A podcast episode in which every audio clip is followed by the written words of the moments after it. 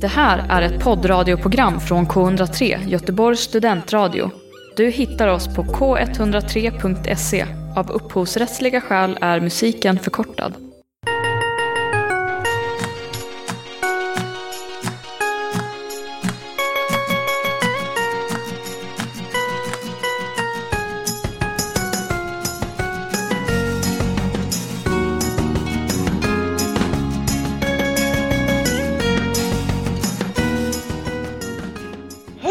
Välkommen till dagens tagning 103. Idag så spelar vi in på ett lite annorlunda sätt än vanligt i och med att coronarestriktionerna har blivit eh, lite mer allvarliga. Så att jag som heter Alice och Kristoffer, vi spelar nämligen in hemifrån och Eva befinner sig i studion. Så välkommen till dagens distanserade men ändå högst närvarande program. Idag så ska vi prata om The Crown säsong 4 som precis har kommit ut på Netflix. Vi ska även tala lite dips och så pratar vi om att Göteborgs filmfestival 2021 har släppt information om att den kommer bli digital. Vi ska även gå igenom lite The Undoing på HBO som har sitt sista avsnitt eh, som kommer ut precis efter helgen. Och sen slänger vi in lite tips om andra saker som vi tycker att eh, ni ska känna till. Häng hårt i hatten så kör vi!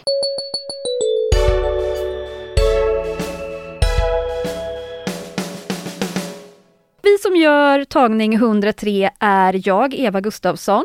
Kristoffer Rissanen. Och jag Alice Dryden. Och Alice, du sa ju precis att att eh, coronasituationen har blivit sämre och därmed så befinner ni er hemma. Och det är många som kommer befinna sig hemma även under en lång period. I Göteborg så presenterade i veckan Göteborgs filmfestival att de kommer faktiskt också hålla sig hemma i samband med festivalen, för den blir helt digital. Från början var det tänkt att man skulle kunna titta på den både digitalt men också på festivalbiografer här i Göteborg. Men på grund av rådande omständigheter så kan man inte längre göra det. Man känner att det inte är tillräckligt ansvarstagande att faktiskt dra igång en filmfestival i vår stad i januari 2021. Däremot så kommer självklart festivalen fortfarande äga rum och all information som fortfarande All information som finns ute kan man hitta på deras hemsida och där kan man se liksom hur man kan delta digitalt. Och Det kommer fortfarande finnas till exempel ett program som kommer ut. Det kommer finnas ett programsläpp. Så att mycket kommer vara som vanligt. Det är bara att du, lite som vanligt 2020, kommer vara hemma. Vad tänker ni om den digitala filmfestivalen här i Göteborg 2021?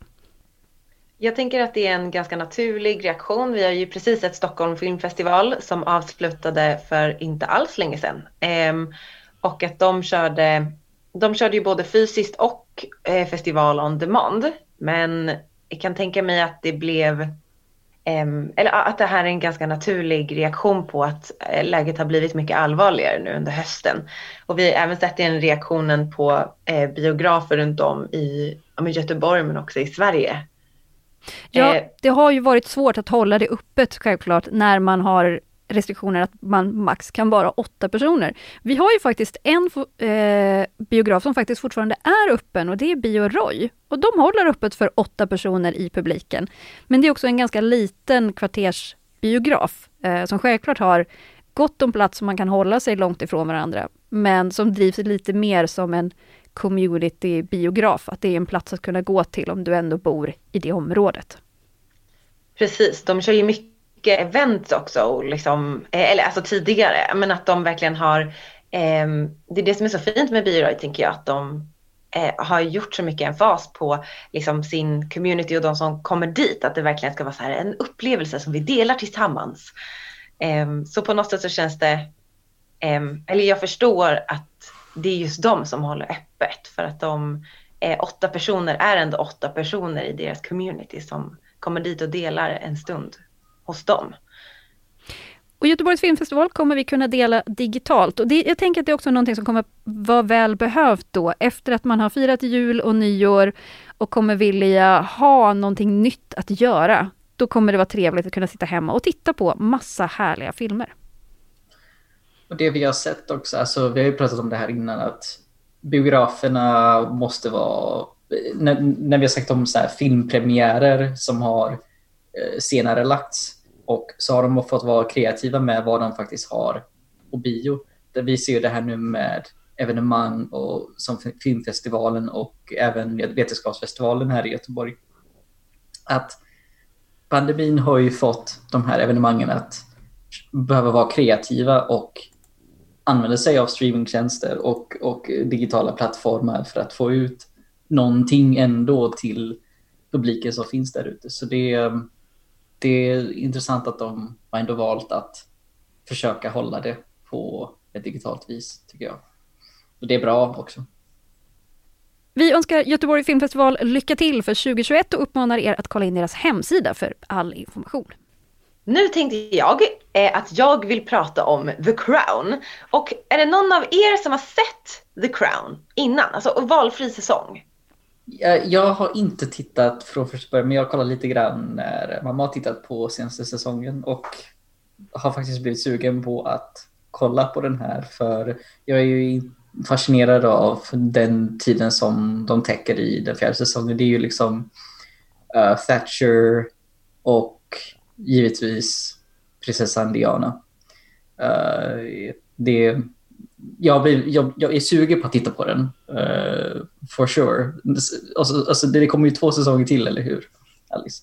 Ja, precis. Så det kommer vara sex stycken säsonger eh, totalt. Och det som jag tycker om och det som är lite speciellt med The Crown är att den är uppdelad i, vad ska man säga, eh, tre stycken epoker. Så va, eller varje epok är eh, två säsonger. Så första eh, vändan så hade vi Claire Foy som the Queen. Eh, och nu de här två, säsong tre och fyra, har vi haft Olivia Colman och sen kommer det vara Imelda Staunton som är the Queen i säsong fem och sex. Så alla skådespelarna byts ut liksom efter varje eh, e-, efter varje två säsonger, vilket jag tycker är himla bra. Eva, har du sett den? Nej, jag har inte sett någonting av The Crown alls faktiskt. Men eh, egentligen så skulle jag kunna vara lite intresserad. Men samtidigt är jag inte så intresserad. Jag är verkligen så här inte royalist, ganska, men jag är samtidigt intresserad av samtidshistoria och jag har ändå men under en kort period i mitt liv också bott i England och man förstår ju relationen mellan England och deras drottning och hur stark den är och liksom vad hon betyder för många. Och därför kan det vara intressant att få veta mer om hennes liv, självklart. Uh, men hur, hur, hur funkar den här delen med att de byter skådespelare allt eftersom hon då blir äldre och äldre? Det, jag tycker att det funkar bra. Eh, sen så tyckte jag, eller det är ju som en sån här, har du ett favoritbarn? Så har man ju kanske en favorite queen. Eh, som man är så här, men det här, typ den här skådespelarens tolkning matchar min uppfattning av hur hon eventuellt skulle vara bakom stängda dörrar. Så jag älskade Claire Foys lite mer eh, sympatiska men ändå väldigt liksom allvarliga och drama men också så här otroligt liksom eh, känslomässiga The Queen. Fast känslomässigt på ett väldigt liksom royal sätt eller vad man ska säga. Och tänker ni att det är just att det är olika tolkningar av hur Elisabeth kan vara? Eller är det att hon har förändrats genom sin, eh, sitt liv och har liksom blivit stramare eller det kan man ju se själv så här. är man samma person som man var för tio år sedan? Eller så här, liksom. Just det. Ja, åh, vilken bra fråga. Jag jag tror att det är olika tolkningar. För jag tror att det är svårt som skådespelare att inte lägga in sin egen tolkning. Att, för det hade ju varit tråkigt om det var så exakt samma person fast det är olika skådespelare som gestaltar. Utan man tar ju alltid med sig som skådespelare en liten bit av sig själv in i arbetet. Vilket jag tycker märks med Olivia Colman för hon som person och i sina karaktärer så tar ju hon med ofta lite av den här vad ska man säga? Alltså hon har eh, lite komik i på något sätt eller lite av någon form av virrighet, inte virrighet men bara känslomässigt såhär jaha, jaha, jaha, liksom lite den grejen. Och hon tar ju med det hoppiga lite grann, det är lite alerta. Och hon tar ju med den in i tolkningen av då Queen Elizabeth som då är en ganska ohoppig person, vad jag tolkar henne som mm, så det blir en väldigt så här, fin och hållsam tolkning av en drottning som har väldigt mycket inom sig och så kommer det ut ibland i Olivia Colmans lite så här, mm, mm, liksom, ty, jaha, okej. Okay. Um, så det, det, är väldigt, det är en väldigt, det är fint med de olika tolkningarna tycker jag, för då får man också se eh, Queen Elizabeth på olika sätt. Och det är tolkningar också och någonting som det har varit skri skriverier om det här nu att i media att så här, det här är inte en dokumentär, det här är en det här är, det här är, drama, det här är en dramaserie med mycket liksom pinch of dramaturgi med i soppan. Liksom, att vissa karaktärer har inte sagt, många karaktärer har inte sagt de här grejerna och de har inte skrivit brev där, det, där det här finns med. Utan mycket av det som händer i serien är väl, det är liksom för the drama overall. eller hur Alice? Ja men verkligen, precis. Och det är väl det man ska komma ihåg också att eh, det är inte Eh, dokumentärt material utan det är ju konstnärligt tolkat. Eh, men jag tänkte bara runda av lite med att berätta om säsong 4. Och det har ju varit då i de tre tidigare säsongerna så känns det som att det har legat ganska långt ifrån nutiden. Men nu har vi äntligen gett oss in i det glada 80-talet eh, som inte är så jätteglatt i serien. Men vi har, som eh, du nämnde tidigare Kristoffer, vi har eh, Margaret Thatcher som är premiärminister under eh, hela säsongen, vilket är ganska ovanligt för det brukar ofta vara olika premiärministrar eh, under säsongernas gång. Men nu är det bara Margaret Thatcher. och Det är spännande att se drottningens eh, interaktioner med henne, för de här två kvinnorna verkligen eh, möter varandra och clashar varandra och det är två kvinnor i en extremt mansdominerad värld som har så otroligt mycket makt båda två och hur Ehm, hur de förhåller sig till varandra är otroligt intressant. Och man kan ju tänka liksom Margaret Thatcher, uh, Female Prime Minister, wow, what an icon. Och hon är en ikon, men hon är ju också inte en feministisk ikon. Hon är ganska um, antifeministisk skulle jag väl ändå säga på ett visst sätt. Är det en fråga om klass också? Är inte Margaret, var inte Margaret Thatcher från arbetarklassbakgrund eller någonting sånt där vad jag minns. Eh, så det blir någon slags konflikt på det sättet för dem, för att de har befunnit sig i helt olika världar. Och minns, jag, minns jag rätt? Ja, Margaret Thatcher kommer från en arbetarklassbakgrund. Jag uppfattar inte så mycket att det blir en clash på grund av alltså, att de kommer från olika klasser, utan det är mer att de har olika värderingar som självklart har med liksom, klassbakgrund att göra. Men ehm, ja, jag vet inte, min tolkning på det, det jag tog med mig var inte så mycket att så här, eh, relationen mellan Thatcher och the Queen handlar jättemycket om klass, utan det handlar mer om liksom, deras två väldigt olika värderingar av och åsikter om vart de vill att England och Storbritannien ska ta vägen. Mer så. Men den stora stjärnan Eh, och jag kan också lägga till att eh, Gillian Anderson är den som spelar Margaret Thatcher och hon gör det helt otroligt. Och ibland så tänker jag så här, oj, är inte det där lite överspelat? Men nej, Margaret Thatcher var så. Hon var liksom den här karikatyren, den här kar karaktären. Så det är verkligen, ja, det är helt, Gillian Anderson gör det otroligt bra. Men den som stilar the show här är ju 100% Emma Corrin som spelar prinsess Diana. Och vi får följa eh, mötet mellan prins Charles och prinsessan Diana innan hon blev prinsessan Diana. Och det är så fint att få se hur hon var innan hon gifte sig. Hon giftes in i den här familjen. Man får se henne väldigt liksom fri och glad och med sina vänner och sen den här resan till att bli liksom encapsulated i den här familjen med så otroligt mycket regler och rutiner och så här får man göra och så här får man inte göra jag, jag såg några av de scenerna när hon har liksom kommit in i familjen och hon, liksom, det, hon ser ut, hon är ju som en prinsessa fast i ett torn. För hon är ensam och prins Charles är wherever, mm. every, everywhere but there. Fick du också den känslan av att hon behandlades på ett väldigt isolerande sätt? Liksom? Eller vad, vad ser du på det? Hur ser du på det?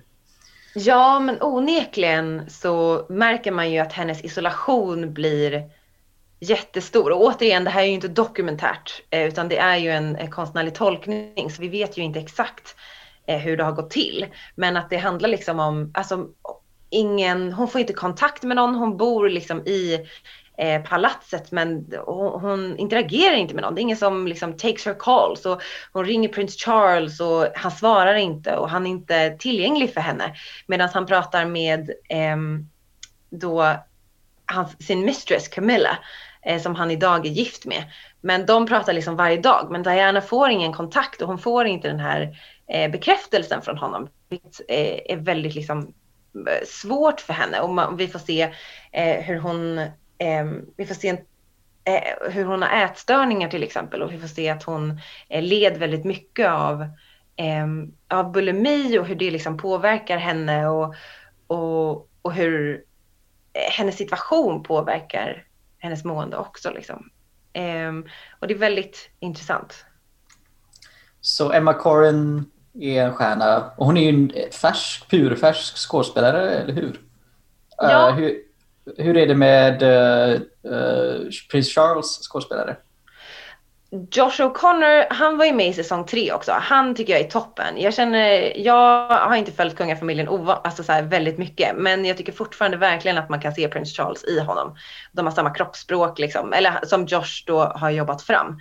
Så han är också verkligen en stjärna i det här och man, eh, ja, man, man känner ju för både prins Charles och prinsessan Diana och jag tycker att så som historien berättas nu, eh, alltså i folkmun så är det ju ofta att prins Charles är the bad guy och Diana är liksom eh, Mother Teresa. Och det här ger väl en lite mer nyanserad bild av det hela, vilket jag tycker är viktigt.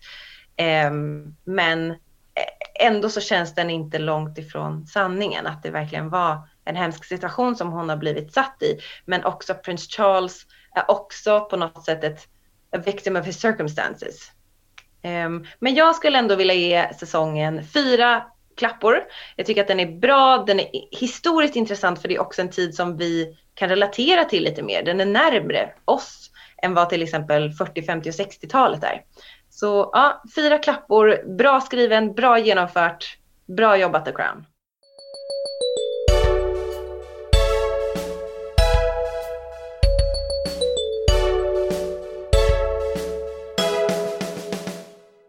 Jag är ju helt lyrisk men samtidigt helt förkrossad över det faktum att den nya säsongen av Dips är här, men jag har redan sett den och den är redan slut.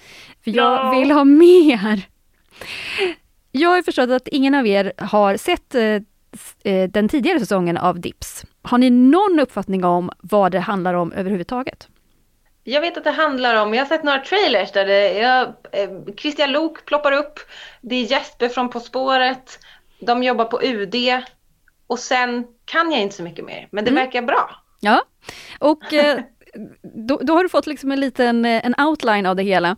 Det här är en eh, humorserie som eh, första säsongen gick bara på SVT Play. Det var en, liksom en, en nätserie där den är skapad av, du sa Jesper från På spåret, eh, han heter också Jesper Röndahl och är komiker och programledare.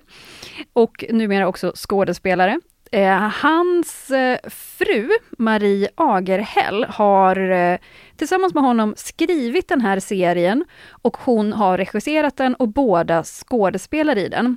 Vid deras sidor hittar du också Moa Lundqvist som spelar Fanny Båtsman. Jesper Rönndahl spelar Jens Stråle och Marie Agerhäll spelar Mimmi Hamilton. Och de tre är då på Utrikesdepartementet. Fanny och Jens är där för att de är det som kallas för DIP Eh, det vill säga att de går diplomatprogrammet och praktiserar på, utbild på Utrikesdepartementet. Medan Mimmi har redan gått och är färdig och är deras handledare och jobbar väldigt hårt på att liksom komma högre upp i hierarkin.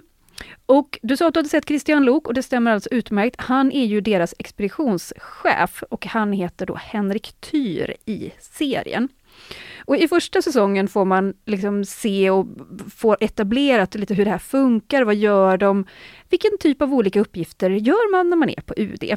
Och det är en väldigt blandad eh, kompott av olika aktiviteter man gör. Mycket representation, men också mycket så här problem som ska lösas. Och den här serien är då skapad på det sättet att den är gjord av intervjuer. Man har liksom gjort mycket research när det gäller hur går det till på UD? Och sen har man tagit den informationen och tweakat den, så den är liksom inte dokumentär. De historierna som vi ser här är inte riktiga, men de är också ganska nära sanningen.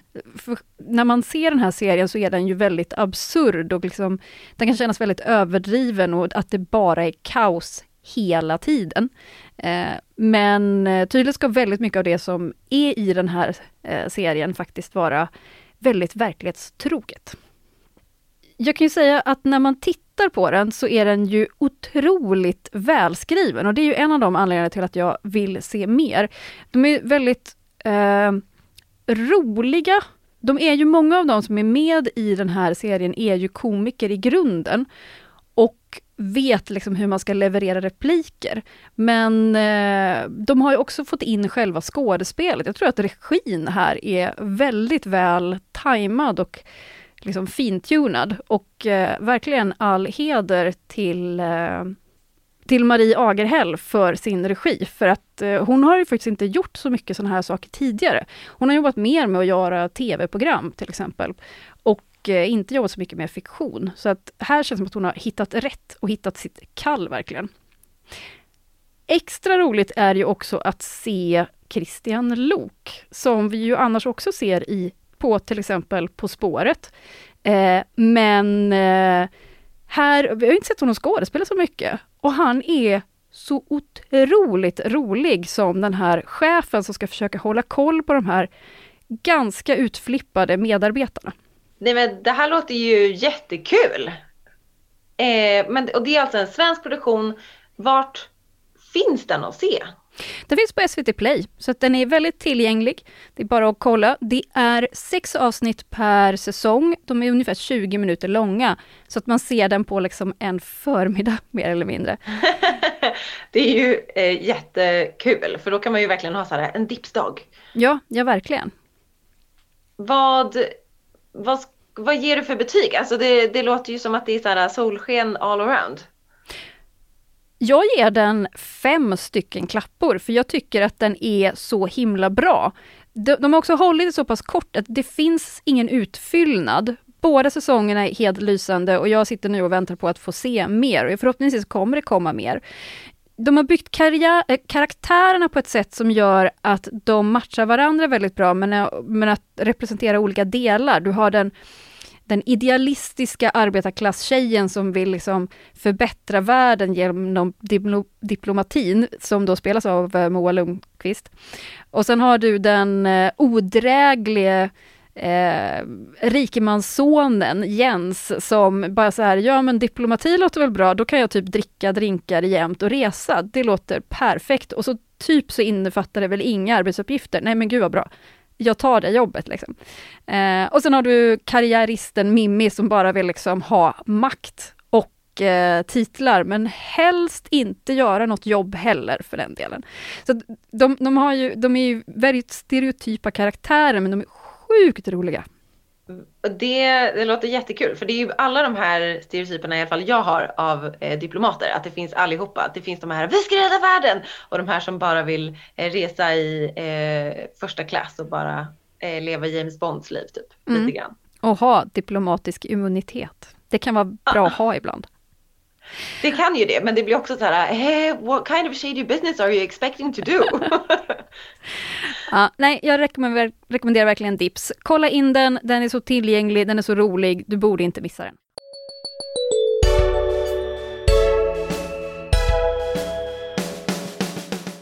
I det här programmet så så vi pratar nästan exklusivt om förmögna, eh, rika människor och vi kommer att fortsätta med det när eh, jag och Alice, vi kollar på en serie som går nu just nu på HBO Nordic som heter The Undoing.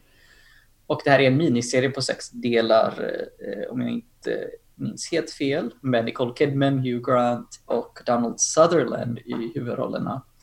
Med regi av eh, Danmarks egna Susanne Bier. Eh, Susanne Bier har ju gjort The Night Manager, en annan bra serie baserad på en John Le Carré bok. Eh, hon har också gjort Bird Box. Minns ni Bird Box för två år sedan när det var en jävla grej? How oh, can one forget? Det blev, it was everywhere. Men, men, jag får inte säga att trots den stora diskussion som var runt om så var ju filmen helt stabil. Det var ju en bra, liksom, bra film. Ja, eh, den var spännande, den var liksom Ja, alltså det var en bra, här, vad, vad, säger man, post-apocalyptic eller apocalypse-film liksom. Mm. The world was definitely going down the crapper och den var bra. Jag, jag tycker det är intressant att det är jag som är skräckkillen i, i Tagna 103 och jag har inte ens sett den men ni har sett den. Och, och, och så är det så här, ja, ja. Men okej, okay, så vad handlar The Undoing om eh, Alice? Um, ja, men The Undoing handlar om eh, en förmögen familj där Nicole Kidman är mamma, Hugh Grant är pappa och så har de en son som kanske är runt 10, 11, 12 års åldern eh, och går på den här superrika skolan. Och Nicole Kidmans pappa spelas av Donald Sutherland som är toppen. Alltså han är så fin. Jag kommer ihåg honom som eh, Mr Bennett i eh, Keira Knightley-versionen av Stolthet och fördom och jag bara liksom tänker på honom som den här mysiga eh, pappan. Men han spelar så otroligt motsatsen i den här serien. Han är så obehaglig och kall men också kärleksfull fast på sitt väldigt, väldigt egna sätt. Eh, och allt är frid och fröjd och Nicole Kidman är världens coolaste psykolog och de bor på, i New York och lever det här supercoola livet. Och sen så händer det någonting. Det är en ny mamma som kommer in eh, med sitt barn eh, på den här skolan där deras son går. Och hon vill vara med i en committee för att planera någon så här insamling till skolan. Och de andra mammorna är så här, oh my god, but she's a scholarship mom. Så typ hon, eh, den här nya mamman Elena, hon eh, och hennes familj bor i Harlem och har inte, eh, jag skulle säga, vet inte, de verkar ha det bra ställt men inte alls liksom de här sjuka miljoner. Hon är ju konstnär Elena, eller hur? Hon har sin egen ateljé så det är ändå någonting. Men de är ju verkligen i en helt annan värld jämfört med den här eliten som går på den här som har sina barn på den här skolan. Precis. Och det blir, Elaine blir liksom en snackis och Elaine är väldigt ung och väldigt vacker. Och de andra mammorna ser ner på henne ganska mycket. Och eh, Nicole Kidman förundras väldigt mycket av eh, Elena och vi ser eh, hur de interagerar ganska awkwardly på flera olika tillfällen där Nicole Kidman försöker liksom bemöta henne med vänlighet. Och Elena verkar väldigt ledsen men väldigt, eh, vad ska man säga, att hon verkligen uppskattar Nicole Kidmans god, eller vänlighet mot henne liksom. Eh, men att det blir, det är någon form av skev, eh, både maktbalans men också att de, det är någonting konstigt. Och det visar sig ju då när Elena dör. Dun, dun, dun, hon blir brutalt mördad och det är liksom premissen på ja hela serien. Så det är inte eh, en superspoiler. Det, ah. det är där historien börjar kan man säga. Och, och, det som kommer därefter är ju en blandning av mordmysterium och uh, rättegångsdrama i princip. Uh, I en värld med elit och förmögna människor och privilegierade människor i New York. Ja, verkligen. Det är väldigt, väldigt spännande. Jag måste säga att Um, nu kommer inte jag ihåg vem det är som spelar advokaten, Hailey, men hon är ju alltså wow, vilken stjärna. Uh, det är Noma Dumezweni uh, som spelar Hailey Fitzgerald. Uh, hon har ju spelat Hermione Granger i West End och Broadway uh, i seriesättningen av Harry Potter and the Cursed Child bland annat. Of course she has. Jag som inte har sett den här serien tänker ändå att jag får några saker som eh, klickar för mig som är, ni säger att det är en miniserie, ni säger att det är Nicole Kidman, det är en person som initialt dör som alla har ett problem med. Jag tänker väldigt mycket på Big Little Lies. Det håller jag helt med om. Och också lite så här Gone Girl-vibbar och Sharp Objects-vibbar. Att det är väldigt mycket dem. Den feelingen. Och, och du, du har inte helt fel heller Eva, för det är faktiskt David E. Kelly som har gjort Big Little Lies och eh, uh, Mr. Mercedes, uh, Ally McBeal som har gjort denna serie också. Och han har ju då tidigare arbetat med Nicole Kidman på Big Little Lies. Så då undrar man ju, är det här, tycker ni att det är eh, en kopia? Eller tycker ni att det bara funkar och fortsätter liksom i en bra agenda? Eller är det bara så att det råkar vara vissa saker som man tycker matchar här? Hur känner ni? Jag har inte sett Big Little Lies så det, jag kan inte svara på det men uh, jag tror inte det skulle vara ett problem.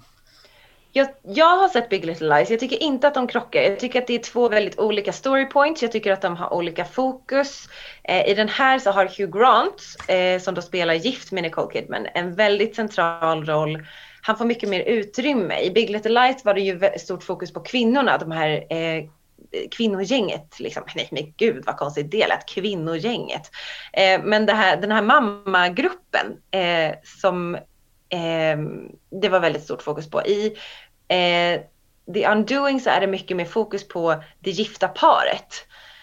Eh, vilket jag tänker skiljer sig från Big Little Lies. Och jag tycker också att en av de större skillnaderna är att det är inte lika bra manus. Jag tycker att den, alltså kvaliteten påminner jättemycket om liksom den högre kvaliteten som Big Little Lies har. Och jag tycker skådespeleriet är fantastiskt. Hugh Grant gör ju också så en sjuk roll. Han är verkligen superbra i den här tycker jag om man jämför med det andra man har sett honom i ibland. Han, han är ju på något sätt, han, han skiftar ju från att vara en oerhört empatisk person, typ, eller en person som man kan tycka är, verkar vara en good guy, men i samma mening, eller i samma veva, så verkar han sjukt sociopatisk. Liksom. Och, och eh, vad heter det, um, vi får inte lära känna den riktiga personen för han ljuger hela tiden. Liksom. Ja, man vet aldrig riktigt vad man har honom och det tänker jag att det är lite samma gäller för Nicole Kidmans karaktär också. Man vet inte riktigt alltid, för det är på något sätt från hennes perspektiv det berättas, men man vet heller inte om hon berättar alltihopa för tittaren. Så det är lite det här, hmm, what's actually going on? Och så det, de gör det väldigt snyggt, men jag tycker också att så här, mycket av kvaliteten hänger på de här skådespelarnas prestationer, att de är så otroligt bra och inte riktigt på att historien eller särskilt manuset är liksom top notch. Det är ju top notch, men det är inte liksom oh my god, what? Det vägs upp av familjens, speciellt familjens skådespeleri. För vi får inte glömma bort Noah Jupe som spelar uh, Nicole Kidmans och Hugh Grants son. Han är också jävligt bra i den här rollen. Uh, som, det här är liksom en, en, familj som försöker hantera, med, hanter, han, hantera ett mordfall liksom, uh, som enhet. Och hur det kan tear a family apart liksom, på många olika sätt. Ja, vi kan inte riktigt ge klappor för den är inte slut än. Sista Nej. avsnittet tror jag kommer på måndag eh, på HBO Nordic. Men eh, definitivt något att hålla ögonen på. Men vi kan i alla fall säga bra skådespeleri. Uh, alltså alla bara skådespelar skiten ur den här serien. Liksom. Varenda en.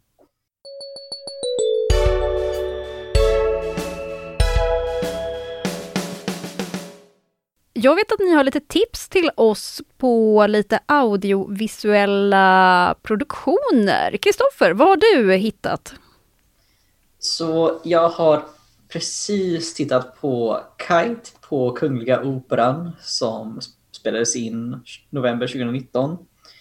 Och eh, den finns eh, tillgänglig på SVT Play. Och Kite är ju då ett svenskt syntpop i guess, band uh, som är ett fenomen för mig. Uh, de är, de, de är, det är från en helt annan värld, deras musik. Som, det finns musik som liknar deras musik, men de har en genuin, autentisk liksom, take på själva syntpop-genren som är jättepopulär idag och speciellt med musik som försöker likna musiken från 80-talet, uh, eh, new wave, I guess, uh, soundet.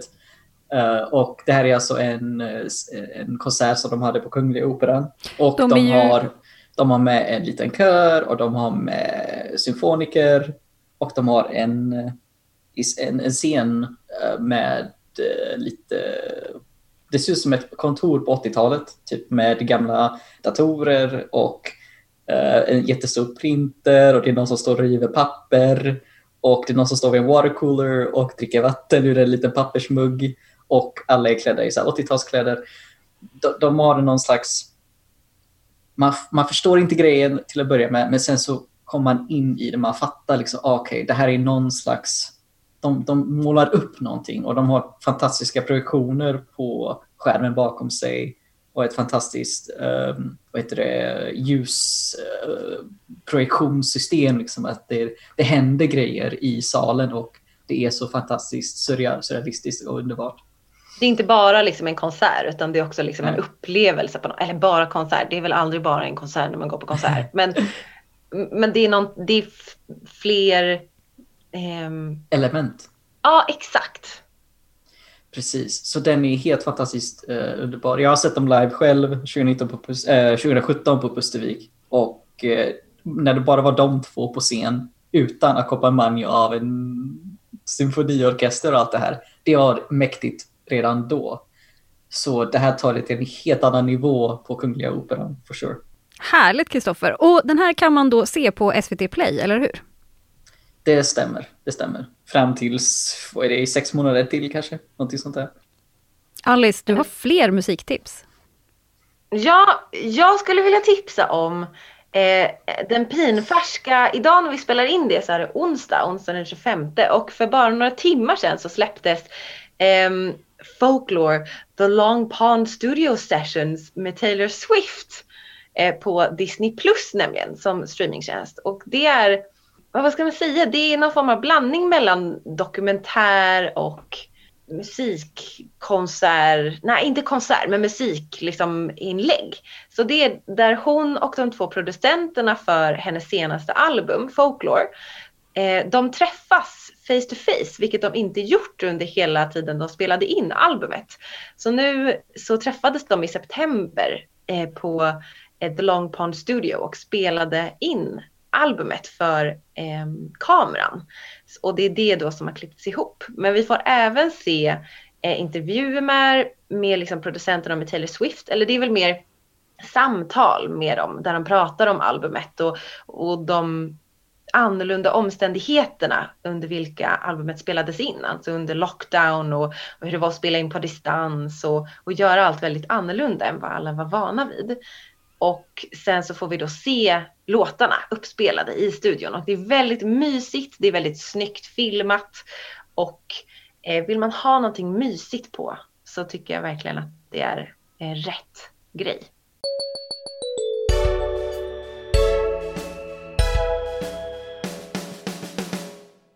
Ja, nu har vi tipsat lite grann om olika saker. Det har varit ett väldigt roligt avsnitt idag som återigen har spelats in på distans. och det har varit vår första distansinspelning. Det har känts lite konstigt och det blir ju sådana här awkward overlapses där man så säger någonting och sen så cuttar zoom ut så att det blir så här.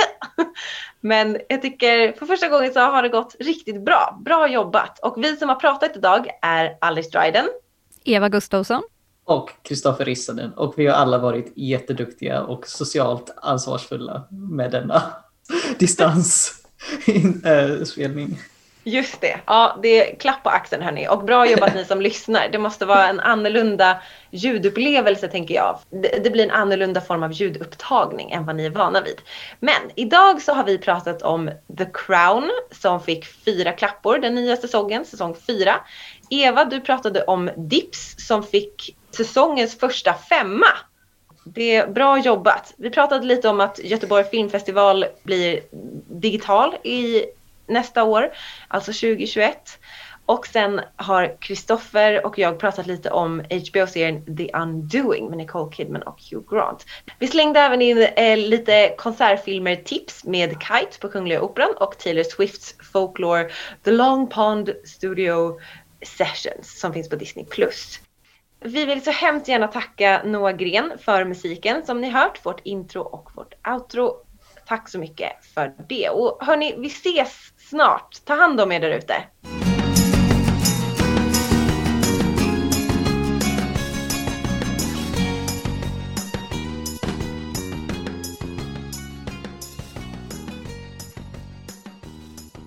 Du har hört en poddradioversion av ett program från K103. Alla våra program hittar du på k103.se.